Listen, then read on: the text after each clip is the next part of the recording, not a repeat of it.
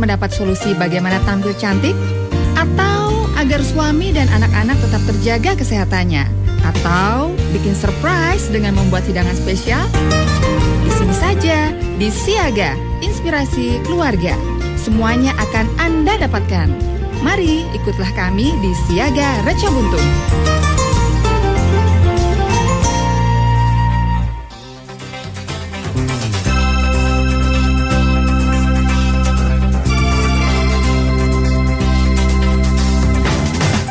Assalamualaikum warahmatullahi wabarakatuh.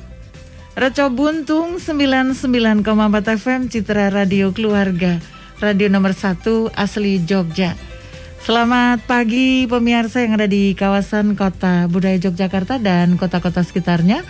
Termasuk Anda yang pagi hari ini mendengarkan siaran Reco Buntung melalui www.recobuntungfm.com ataupun melalui jogjastreamers.com seperti biasanya pemirsa di setiap hari Selasa. Hari ini awal bulan Maret 2022. Seperti biasanya di Siaga Inspirasi Keluarga Reco Buntung dengan tips seputar busana bersama desainer Jogja Wiwit Hosana. Dan yang pastinya seperti biasa Mas Wiwit, selamat pagi. Selamat pagi. Apa kabar? Kabar baik. Sehat. sehat. Alhamdulillah puji Tuhan sehat ya. Selalu sehat. Harus ya. Jadi kesehat sehat itu satu keharusan ya Mas. Keharusan. iya, yang masih uh, bisa menemani pemirsa. Iya. Ya, juga uh, berbagi ilmu ya. Iya, betul. Uh, termasuk juga memang banyak ya yang melakukan kegiatan tetapi memang harus nomor satu tidak boleh abai dengan kesehatan Iya. itu Mas Wida. Iya, betul Tetap sekali. jaga protokol kesehatan. Pemirsa juga bisa melihat kita siaran juga pakai Pakai masker. Ada jarak ya, jaga jarak. Jadi eh, apa namanya? Tetap ya Mas Wid. ya. Iya. Pagi hari ini ya termasuk nanti juga pemirsa jangan lupa ada kuis ya, masih eh, kuis eh, dalam rangka hari ulang tahun Radio Reco Buntung yang ke-55. Tapi syaratnya harus memfollow dulu. Iya, Gitu ya, harus memfollow IG-nya Reco Nah, Buntung. IG-nya Mas Wito sana. Iya, IG saya juga. Termasuk. Jadi eh, jangan salah pemirsa harus eh, apa namanya follow Instagramnya Radio Reco Buntung di @recobuntung underscore FM gitu ya. Iya, kalau IG saya Wiwit underscore Husana. Iya. Itu jadi memang harus memfollow dulu karena jawaban kuis di akhir acara harus Anda kirimkan melalui email. Email. Ya, email dengan tips busana rbfm at gmail.com Itu ya Mas Wid ya. Iya. Pagi hari ini, eh, tapi pemirsa boleh kalau kemarin belum tuntas, belum tuntas untuk eh, berbagi informasi pemirsa nah, terkait kemarin kan ini banyak yang belum terjawab ya Mas Widya. Iya. Boleh ditanyakan, tapi ya eh, apa namanya pagi hari ini. eh, Kita temanya beda. temanya beda. Tapi kalau misalnya masih pingin menanyakan yang kemarin belum Nanti boleh lewat WA saya. Boleh lewat WhatsAppnya Mas Iya. Wiwit Hosana ya. Saya akan sebutkan dulu eh, nomor Mas Wiwit Hosana di 0822 9911 3367. Ini termasuk kegiatan Mas Witusana itu wah istilahnya kalau bahasa Jawanya seabrek. Iya, harus dijalani, Mbak. Nah, kemarin juga ya pelat apa namanya Iya. eh, mendampingi Iya. eh, pendampingan nah, Gelar karya. gelar karya anak-anak SMK istimewa Mas Wid ya Iya. anak-anak SMK sekarang Karyanya eh, bagus-bagus. karyanya bagus-bagus saya mau lihat eh, apa namanya fashion show-nya Iya. wah ini eh, masih masih apa namanya ya bibit-bibit unggul Iya, untuk mereka itu kan masih anak-anak masih muda, masih dini Hmm. usianya. Kalau memang kita dampingi, ya mereka pasti akan bisa mengetahui Hmm. kompetensinya dan juga bakatnya itu nanti akan muncul sendiri. Hmm. Ya, kita memang sebagai terutama saya sebagai desainer pendamping dan bekerja sama dengan guru-guru tata busana itu selalu berusaha mencari eh, celah-celah yang dimiliki oleh anak-anak itu ya. Apalagi dalam kondisi pandemi seperti saat ini kan kita pertemuan tatap mukanya juga terbatas. Betul. Jadi semua lewat daring. Toh itu pun bisa memberikan hasil yang eh, baik ya. Apalagi kalau seandainya kita melakukan eh, pertemuan secara tatap muka akan lebih bisa optimal lagi. baik itu yang namanya sekarang juga eh, tidak apa namanya karena bekerja itu tidak harus sesuai dengan bidangnya gitu Mas Wid atau jurusannya. Saya mah dulu jurusannya ini Mas Wid ini juga salah jurusan. Yang Tapi- penting kita cinta Nah, dengan tapi pekerjaan. Justru sekarang ya Mas Wid ya yang Iya. banyak memberikan manfaat untuk Iya. yang lainnya gitu ya. Ya. Baik, itu ya. Nah, terkait tema pagi hari ini Mas Wid, monggo. Eh, pagi ini kita akan membahas tentang etika profesi. Etika profesi. Ya. Jadi etika profesi ini berlaku untuk semua profesi ya, meskipun eh, cakupannya berbeda-beda, titik beratnya berbeda-beda, tetapi setiap profesi apa pun itu profesi itu pasti membutuhkan etika yang ada di situ. Nah, untuk materi di sini nanti akan saya batasi hanya untuk etika profesi di bidang fashion. Fashion. Ya, itu pun sebenarnya masih sangat luas Mbak karena di bidang fashion itu juga nanti eh, apa eh, ada kaitannya juga dengan pihak pertama, pihak kedua, antar perusahaan, karyawan dengan pimpinan dan Karyawan sebagainya. dan karyawannya Iya. gitu ya. Kalau kita bicara tentang masalah etika, kita harus menilik dulu apa itu sebenarnya etika, ya. Etika itu secara eh, umum ya diartikan sebagai nilai tentang baik buruknya perilaku manusia. Ya, jadi nilai tentang yang baik, nilai tentang yang buruk tentang perilaku manusia ini adalah merupakan pengertian dari etika. Ya, jadi mengapa kok ada eh, nilai tentang baik dan buruk? Ya karena ada interaksi antar manusia ya dalam eh, kehidupan ini kan pasti ada interaksi antar manusia. Jadi interaksi antar manusia yang saling membutuhkan itu membutuhkan etika di situ ya. Karena kalau tidak ada etika nanti akan bertabrakan akan kacau balau ya. Jadi secara umum eh, etika itu adalah nilai tentang baik buruknya perilaku manusia.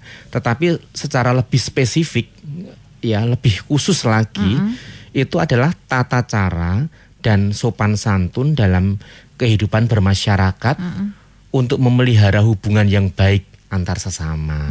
Ya, jadi memang tata cara sopan santun dalam kehidupan bermasyarakat itu kalau tidak ada, kalau tidak dipelihara ya bisa kacau semua ya.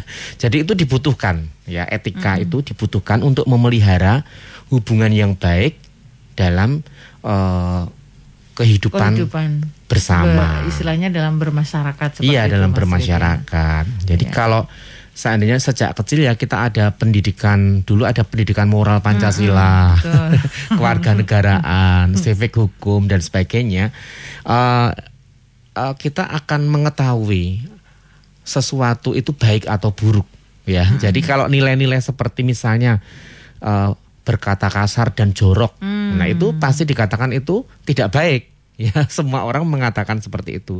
Kemudian merendahkan orang, ya, membuli, membohongi orang, menipu orang, mm, kemudian mengkhianati orang, ya. itu termasuk perbuatan-perbuatan yang tidak baik. Dan itu melanggar nilai-nilai dari etika itu sendiri. Nah, etika itu akhirnya menjadi landasan untuk membuat aturan. Nah, dalam eh, kaitannya dengan etika profesi, ini kaitannya dengan aturan-aturan yang berlaku dalam suatu perusahaan. Perusahaan fashion tentunya yang kita bahas. ya. Jadi ini aturan-aturan ini ada yang sifatnya secara tertulis ataupun ada yang sifatnya lisan dan ada sesuatu bahkan tidak ditulis juga tidak disebutkan tetapi itu berlaku. Ada yang seperti itu ya Mas. Iya, ada sesuatu yang karena dianggap semua orang pasti tahu. Ya, misalnya eh, kalau ketemu orang yang lebih tua kita harus menghormat. Itu kan tidak perlu ditulis. Betul. Tidak perlu juga dikatakan ya.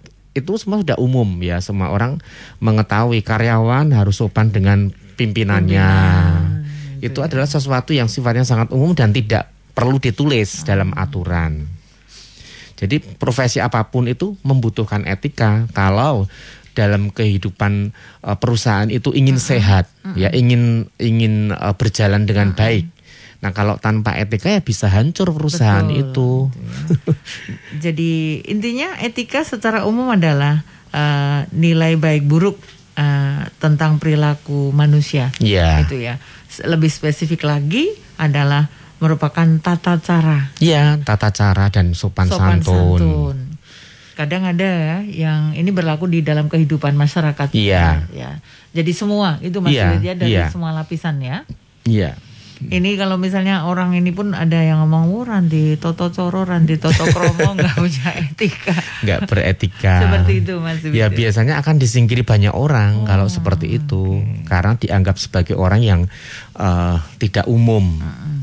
Jadi termasuk dalam eh, lingkup kecil dunia fashion, Iya. ini juga mengguna apa harus ada yang namanya etika Iya. profesi. Iya, betul. Ya, Jadi setiap etika profesi barangkali kalau di dunia fashion antara atasan dengan karyawan, Iya. karyawan dengan karyawan. Iya, kemudian antar bagaimana- perusahaan. Ah, antar perusahaan. Ini termasuk juga Mas Wit ya sebagai seorang eh, istilahnya boleh dibilang pelayan ya. Iya. Eh, memberikan pelayanan kepada customer juga harus menggunakan etika. Iya, Wit. itulah pentingnya karena kalau kita ingin menjalin kerjasama yang baik atau i- kita ingin mencari pelanggan, kita harus dengan etika yang baik. Kalau kita asal-asalan, serampangan kita akan ditinggalkan banyak orang. Betul. menjadi termasuk juga menjadi bahan perbincangan kalau ada karyawan yang seperti itu betul. Menjatuhkan nama perusahaan Iya. khususnya Mas Wit ya. Itu bisa kena sanksi kalau kayak gitu. Ah, itu. Ini kalau namanya etika ini eh, kalau di dalam dunia fashion nih Mas Wit ya. Iya.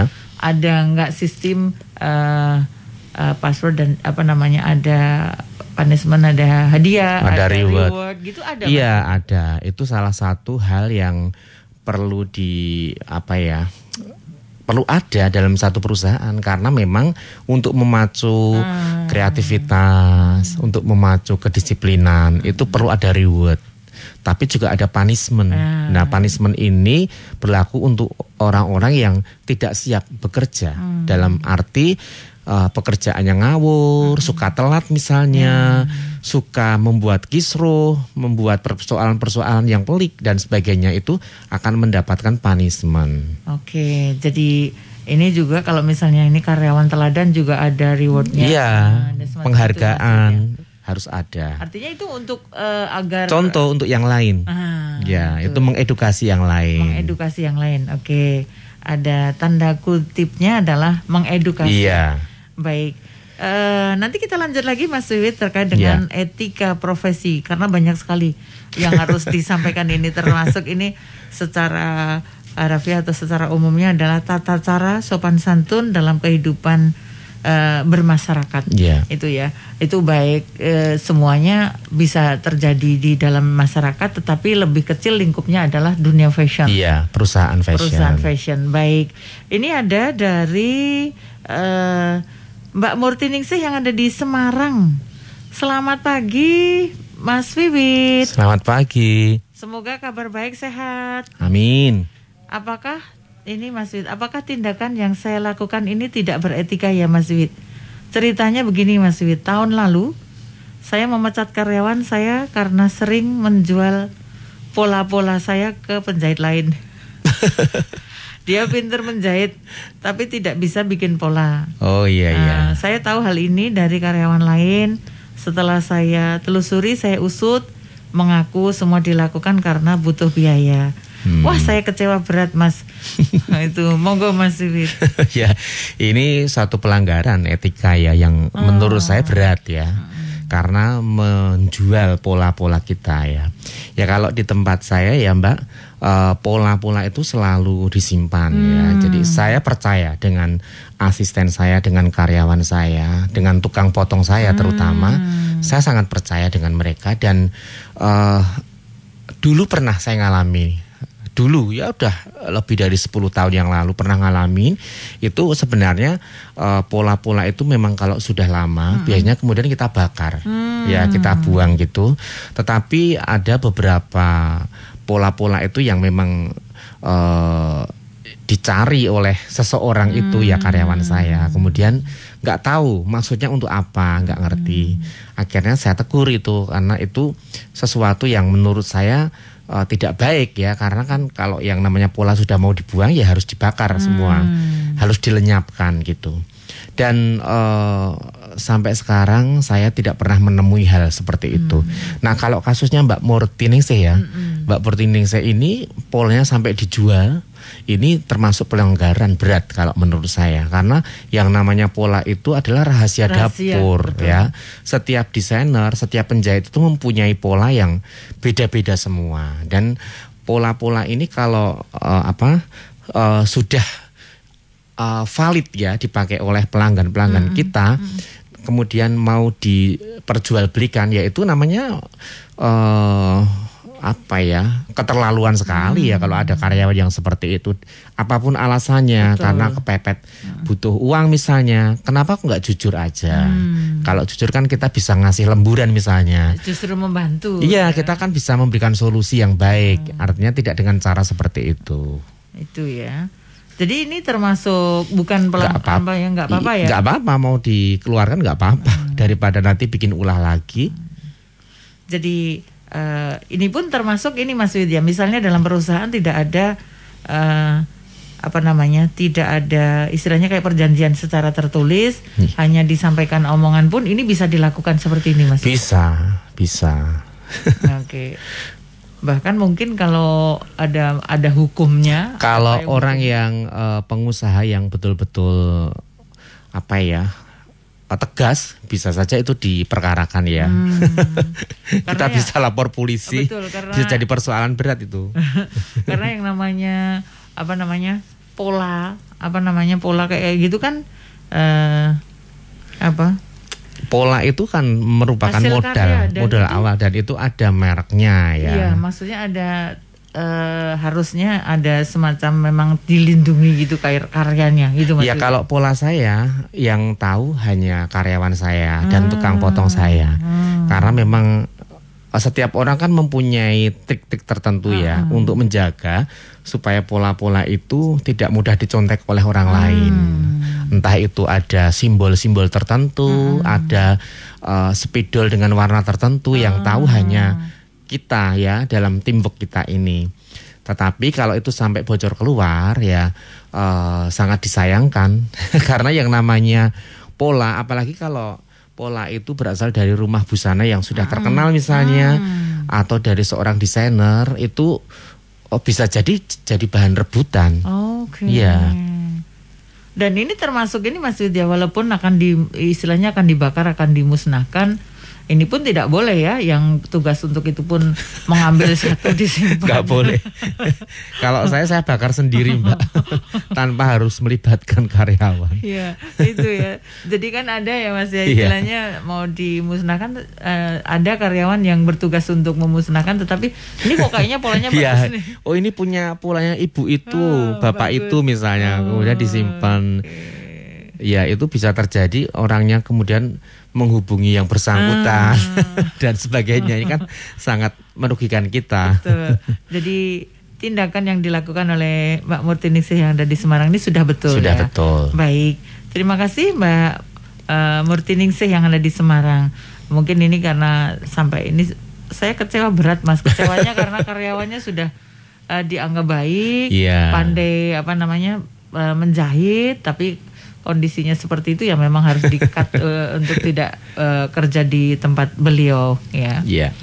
Kemudian ada Bu Isti yang ada di Magelang. Selamat pagi, Bu. Selamat pagi. Baik. Eh, Mas Wiwit, halo halo. Halo. Apakah etika profesi di bidang fashion berfungsi untuk menghukum karyawan yang nakal? Karena karyawan pen- karyawan atau penjahit sekarang banyak yang tidak bisa dipercaya. Sering apa nih? Sering menjengkelkan dan bikin ulah. Terima kasih.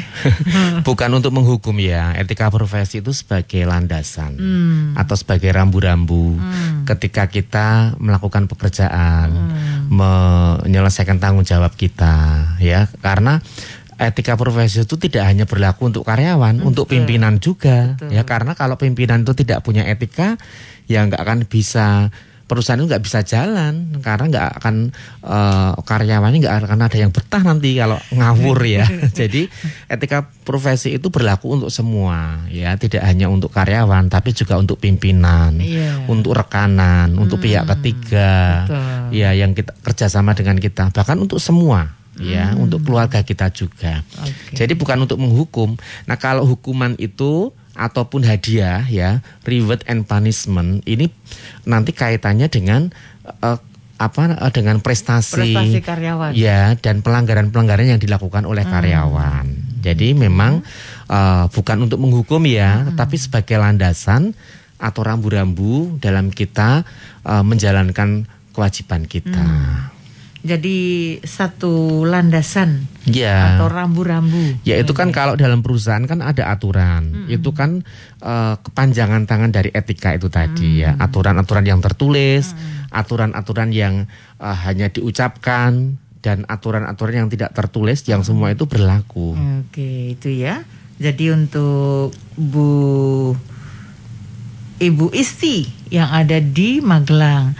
Saya buka berikutnya eh, Mbak Fitri, selamat pagi Mbak Fitri di Solo Baru. Assalamualaikum Mas Wiwit Hosana. Waalaikumsalam. Saya mau eh, tanya nih Mas, saya dulu punya asisten yang bermuka dua. Waduh. Kalau cuci muka susah. Di depan saya baik banget. Ternyata dia disuruh kerja di tempat saya karena disuruh sama tantenya yang desainer. Hmm. Hanya untuk memata-matai pola-pola saya selama satu tahun. Wow. Lumayan. Sekarang dia kerja sama tantenya. Keluarnya baik-baik. Saya tahu justru dari sahabat tantenya ternyata ternyata oh ternyata percaya sama orang harus ada batasannya. Sekarang saya trauma punya asisten lagi Mas Siwit. Apakah yang harus saya lakukan? Monggo Mbak Fitri di Solo Baru. Hmm, ya kadang-kadang itu namanya kebobolan ya. Semua orang pasti pernah ngalamin kayak gitu ya. Di depan kita baik, tapi kita tidak tahu etika di belakangnya seperti apa. Sudahlah Mbak, nggak usah dipikirkan ya. Jangan hal itu menjadi kita menjadi tidak bisa mempercayai orang. Ya kalau pekerjaan kita memang sudah maju ya dan kita punya kesibukan yang eh, berat, ya kita tetap harus punya asisten.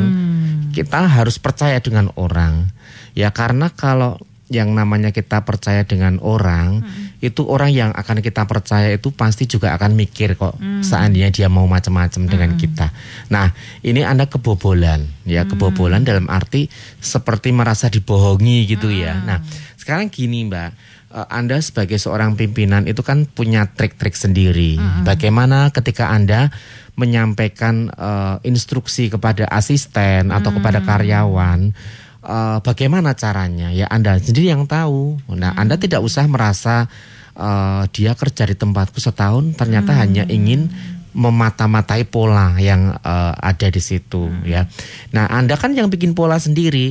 Anda sendiri yang harus tahu trik-triknya bagaimana supaya pola Anda itu tidak bisa di eh, apa namanya? Dibajak atau dibajak orang ya, lain. dibajak oleh orang. Nah, kalau saya sendiri saya tidak pernah mikirin kayak gitu ya, Mbak. Hmm. Jadi memang pola-pola saya bahkan saya bagi ke Hmm. Media sosial. Karena menurut saya eh, seorang yang eh, belajar dari media sosial itu pun belum tentu bisa. Sama gitu ya. hasilnya sama ya. Produknya sama nggak bisa.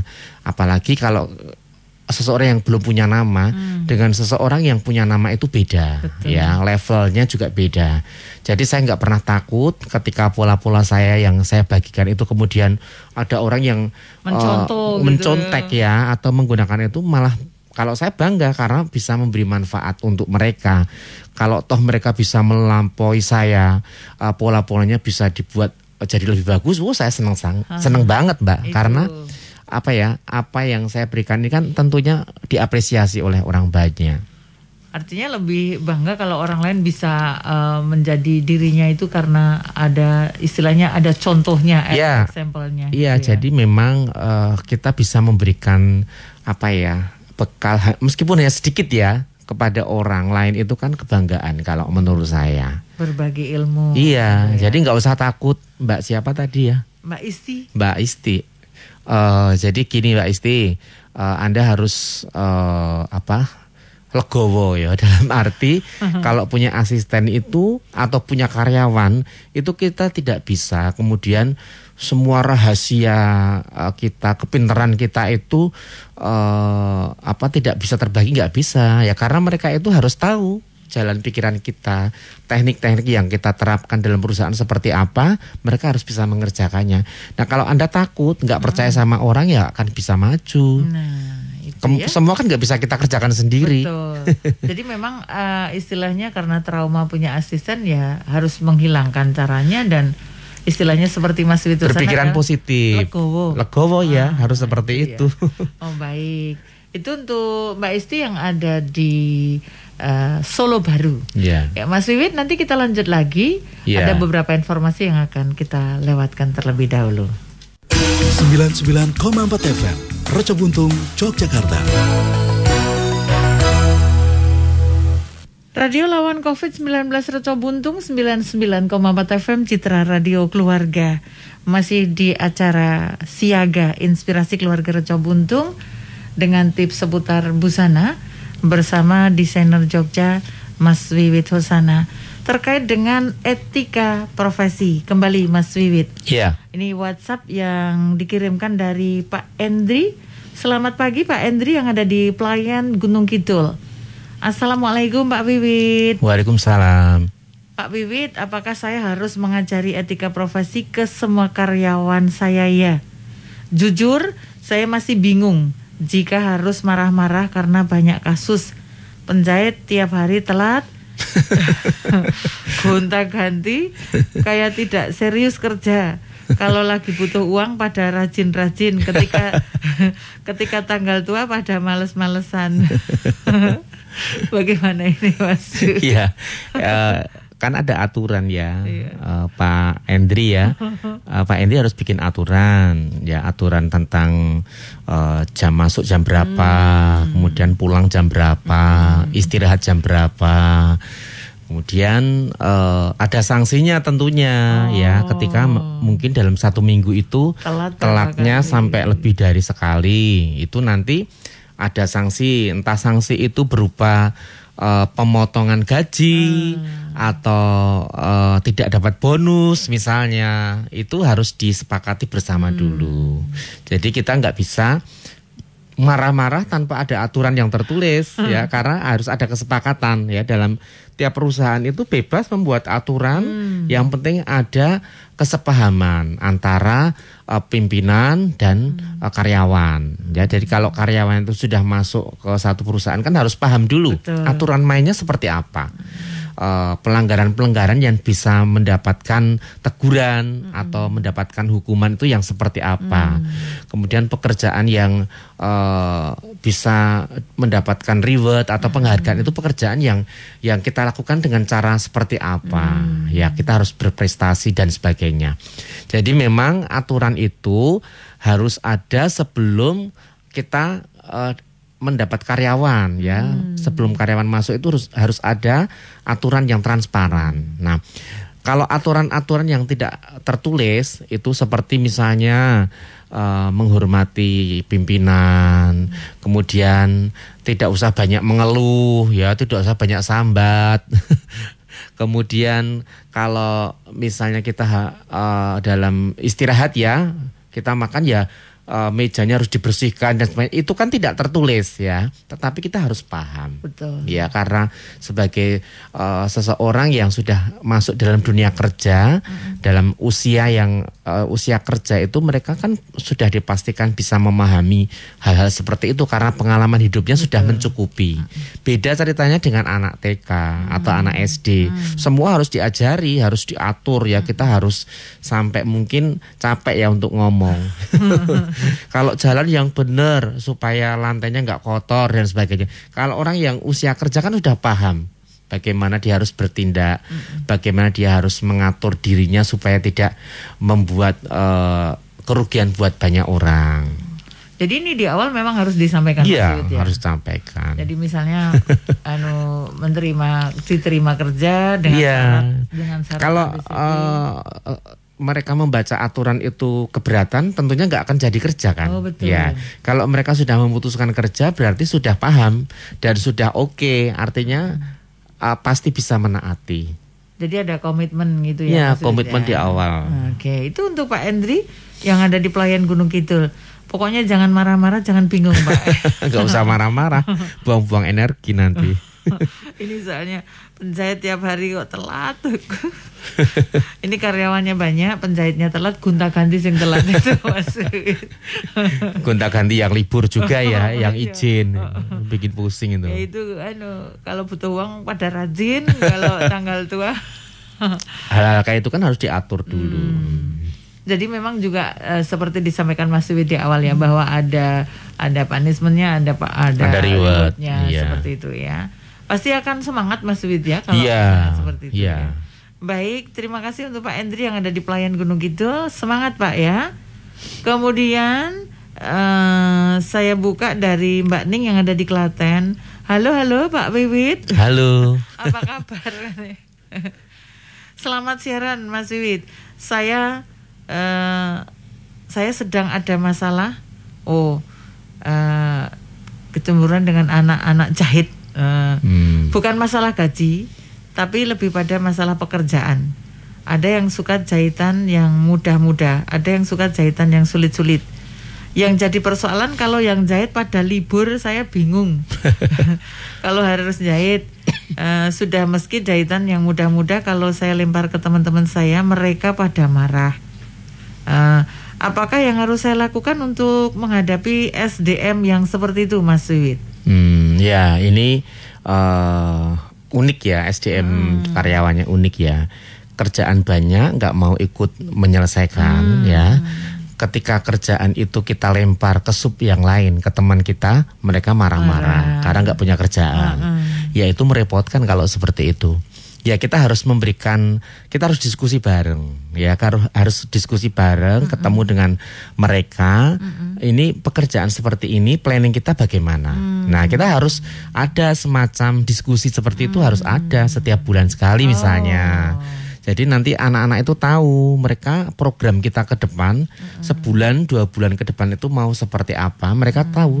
Nah kalau pimpinannya cuma diem aja hanya taunya pekerjaan banyak, eh, kemudian eh, karyawannya eh, gonta-ganti ya yang libur misalnya, ya mereka karena nggak tahu bisa jadi karena nggak tahu atau karena em, memang nggak paham ya. Jadi kita memang harus ada diskusi terbuka. Ini diambil tanggal segini. Harus jadi tanggal segini. Itu harusnya eh, semua karyawan paham ya supaya nanti tidak ada eh, miskomunikasi atau kita akan di apa namanya dimarahin oleh pelanggan kita. Karena harusnya sudah jadi diambil belum jadi. Jadi kita eh, harus apa ya namanya harus ada keterbukaan dengan karyawan supaya pekerjaan itu nanti bisa selesai tepat waktu. Nah, ini memang unik ya karyawannya karena kalau kita melempar pekerjaan ke teman-teman kita dia marah karena nggak punya kerjaan. Sementara kerjaan banyak kalau dia suruh ngerjakan juga malas-malesan ya. Eh, repot nih kalau punya karyawan seperti itu. Itu ya. Jadi eh, seperti disampaikan Mas Wiwit, kalau eh, diskusi dengan karyawan, I- iya. seorang eh, apa namanya eh, atasan gitu, memang harus ada diskusi. Ada Ya, harus. ada waktunya nggak Mas? Misalnya Ada. seminggu dua kali atau sebulan Ya itu tergantung tergantung dari kesepakatan atau tergantung dari inisiatif dari pimpinan itu sendiri. Nah kalau pimpinannya saja jarang ya eh, istilahnya eh, diskusi atau apa ya membuat semacam meeting ya dengan karyawan dan pimpinan seperti itu ya kita tidak akan terbiasa dengan keterbukaan. Iya, jadinya akan akan buntu ya, akan buntu dan sering terjadi miskomunikasi kalau seperti itu. Padahal kan gampang ya kita sharing dengan karyawan kita. Seperti ini loh cara membuat eh, pekerjaannya, eh, kerapiannya, packingnya, kemudian cara kerjanya bagaimana. Ini eh, jadwalnya seperti ini harus jadi tanggal ini, VT-nya tanggal ini. Karyawan harus tahu, apalagi asisten kita harus tahu. Nah, kalau mereka nggak tahu itu ya bukan eh, kesalahan mereka, bisa jadi karena pimpinan itu sendiri yang nggak mau transparan. Hmm. Jadi harus ada keterbukaan ya Mas. Wid ya. Walaupun intinya keterbukaan itu bukan dalam segala hal gitu. Tidak dalam urusan pekerjaan Urusan saja. pekerjaan ya. saja. Oke, baik. Itu untuk Mbak Ning yang ada di Klaten. Saya menuju dengan Sutrisni di Jalan Magelang. Selamat pagi, Mbak Sutrisni Selamat di pagi. Jalan Magelang. Pak Wiwit, eh, saya mau bertanya, apakah saya harus berdiam diri kalau ada karyawan saya yang ambil kerjaan dari tempat lain? Padahal itu jahitan dari teman-teman seprofesi juga. Hmm. Rasanya kok gimana gitu loh, Mas Wiwit. Apakah saya harus memberitahu untuk tidak ambil kerjaan dari mereka? Padahal eh, tak suruh bawa lemburan dari tempatku dengan gaji lebih tinggi pada nggak mau. Ada apa ya Mas Wid ya? Apakah yang harus saya lakukan? Kadang saya kok eh, apa namanya merasa gimana diperlakukan demikian. Nih, ini Mbak Sutrisni Jalan Magelang. Ya sejak awal harusnya seperti itu sebelum karyawan itu uh, bekerja kan kita harus terbuka dulu ya. Kalau kerja di tempat saya dilarang untuk mengambil kerjaan dari tempat lain. Nah itu kan sudah jelas ya Pak. Tetapi konsekuensinya kalau karyawan kita itu butuh income lebih ya kita harus memberikan lembur untuk mereka. Nah kalau kita sendiri melarang mereka mengambil kerjaan dari tempat lain dan kita tidak bisa memberikan pekerjaan yang memadai sehingga mereka memperoleh income yang mencukupi. Ya itu namanya kita menggantung mereka. Dan itu juga nggak baik seperti itu. Kecuali kita bisa memberi gaji yang di atas UMR ya. Eh, itu nggak masalah. Nah, kalau tidak kalau hitungannya hanya eh, borongan ya atau perpotong ya repot ya jadi memang sejak awal sebelum mereka masuk itu sudah ada eh, perjanjian seperti itu. Perjanjian tidak harus tertulis ya kalau seperti ini. Bisa saja dengan kita menanyai ya menanyai dengan cara-cara yang baik. Kalau kerja di tempatku gini loh mbak. Aku nggak mau kalau eh, anda menerima pekerjaan dari tempat lain. Apalagi itu dikerjakan malam hari kan biasanya kalau lembur kan tidak mungkin siang hari itu nanti bisa jadi masalah Iya, oke. Eh, itu ya untuk Mbak Sutrisni. Iya. Ya. Ini ada yang mengirimkan dari Gresik. ya. Iya. Eh, Pak Wiwit selamat pagi. Apa Pagi. eh, apa salah sebagai pimpinan menuntut anak buah untuk mengerjakan selalu secara perfect? Iya tidak salah, itu adalah tuntutan profesi ya. Tetapi kita harus eh, lihat karyawan kita itu kompetensinya seperti apa. Nah kalau dia memiliki kompetensi yang bagus, tetapi tidak mempunyai etika yang baik, ya susah. Jadi memang eh, karyawan itu harus mempunyai eh, kompetensi yang baik, artinya eh, bisa melakukan pekerjaan itu dengan baik, tetapi juga memiliki etika yang baik. Itu yang eh, yang kita butuhkan ya sebagai seorang eh, pengusaha, sebagai seorang pimpinan menuntut seperti itu. Tetapi juga harus bisa memberikan gaji yang memadai untuk mereka. Menuntut tapi harus sesuai Iya, dengan ap- apa iya. namanya istilahnya untuk karyawannya nun- menuntut secara Iya, perfect ya. iya. Pimpinannya juga harus Karena kalau pekerjaan yang perfect itu adalah pekerjaan yang tentunya eh, biayanya mahal.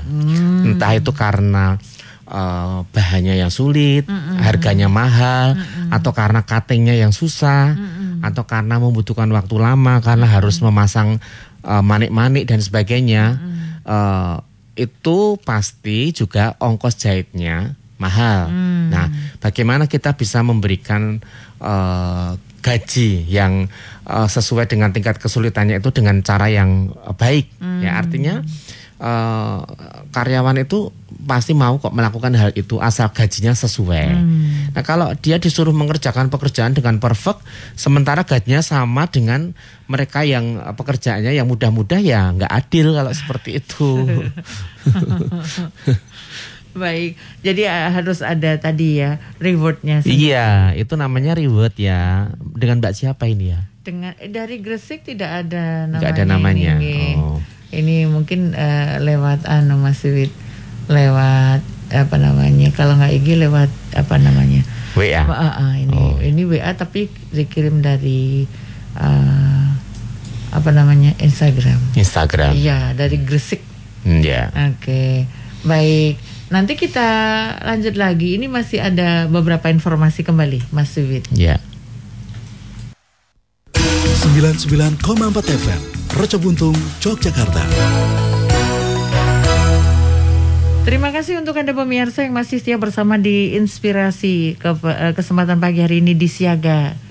Eh, inspirasi keluarga dengan tips seputar busana bersama desainer Jogja Mas Wiwit Susana. Jangan lupa juga ya untuk memfollow ya itu Mas Wiwit ya.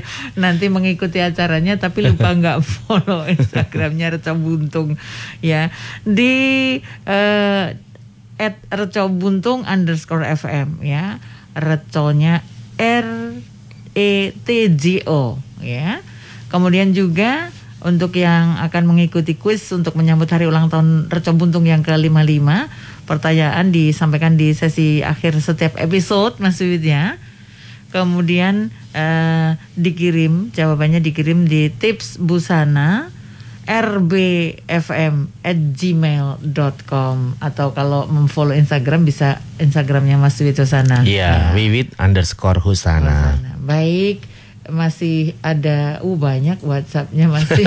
Silakan. Assalamualaikum Sugeng Enjang Mas Wiwit Mbak Ai sehat selalu Amin Amin. Mbak Susilowati Sutaryo Ambarawa. Mas Wiwit saya mau tanya nih, etis nggak Mas apabila kita memberi sesuatu penghargaan kepada customer baru kita karena sudah menjadi pelanggan yang baik dengan sesuatu barang tetapi tidak ada maksud lain, istilahnya nyokok. Nggak apa-apa. oh gitu, Mas terima kasih. Itu bukan penghargaan, tetapi bonus. Oh. Ya, bonus ucapan terima kasih karena sudah percaya dengan kita ya. Jadi misalnya bonus itu eh, ini kayak Mbak eh, Susi ini kan produk eh, si eh, Sibori ya. Bisa jadi nanti ketika menjahitkan sudah yang kelima gitu, nanti dapat satu kain Sibori. nggak apa-apa itu untuk daya tarik ya, untuk promosi juga. Nanti kalau kain itu sudah eh, kita kasihkan dan dipakai eh, bisa untuk promosi. Hmm, itu Mbak uh, Sus ya. Iya. Jadi salam LDSC sampai tak impikan loh Mas Wid. belum belum ini Mas Wid ya, belum ada informasi kembali ya. Belum. Oke, ini saya buka Mbak Santi yang ada di Godean. Selamat pagi Pak Wiwit. Selamat pagi. Begini Pak Wiwit, saya ceritanya ada orang yang mau kerja jahit di tempat saya, tapi usianya lebih tua dari saya. Hmm, ya. Tak coba jahit baju, tapi hasilnya kurang rapi, kurang bagus. Hmm. Saya itu bingung Pak Wiwit mau tak kasih tahu caranya, bla bla bla bla, tapi ngeyel merasa lebih tua dari saya. Mau tak tegasi nanti saya dikira kewanen sama orang tua. Kalau seperti itu gimana solusinya ya Pak Wiwit? Solusinya nggak usah aja. Nggak usah dipakai. Nggak usah. Nggak usah diterima. Nanti akan di kemudian hari akan terjadi banyak keribetan. Hmm. Terutama kalau orang Jawa itu kan ewuh pakewuh ya, nggak enak eh, dan sebagainya itu nanti justru akan membuat kita malah menjadi tersiksa sendiri. ya. Kita cari yang masih muda banyak Mbak Santi. Betul. Kemudian kan dari SMK dua Godian kan juga banyak nanti yang eh, lulus ya. Nah, ini Mbak Santi juga dari SMK Gede. Iya, mm-mm. Oke. Itu Mbak Santi ya sabar. Bentar lagi kan banyak yang banyak yang eh, pingin jadi karyawannya Mbak Santi ini. Eh, Oke. Eh, apa nih? Pak Pak Dadi dari salam dari Klaten. Baru nyimak ya Pak Dadi namanya ya. Pak Dadi. Iya, oh. baru nyimak ini mudah-mudahan dapat inspirasi. Kebetulan punya usaha jahitan juga di rumah. Hmm. Kalau aku pola langsung di kain. Kalau terpaksa harus buat pola dulu sebelum motong kain ya udah habis dipakai langsung dibuang Eh, atau dibakar itu tadi Pak. Iya. Hmm, nggak apa-apa Pak. Semua orang punya tips sendiri-sendiri. Oke. Daripada nanti jadi masalah, ya udah seperti itu aja Pak Dadi ya. Hmm, buang saja atau dibakar ya. Iya. Buang juga harus disobek-sobek gitu maksudnya. Iya. itu, ya. Oh ini ada dari Mbak Santi di Gedean tadi. Iya deh Pak Wiwi terima kasih. ini ada dari eh, mana nih? Mbak Inem, nah, Inem nem nem nem. ini Mbak Martin Iya, ini. Mbak Martin di Pitu Wolu Songo. Oh, enam enam enam Pitu Wolu Songo. Eh, selamat pagi Mbak Ais, Pak Wiwit. Pagi. Kalau bikin sam- eh, sampel dan pola sampel ada etikanya juga tidak antara penjahit dan klien. Pak pola sampel, eh, sampel jika Iya. tidak ada deal di awal dengan klien tetap menjadi milik pribadi atau milik klien.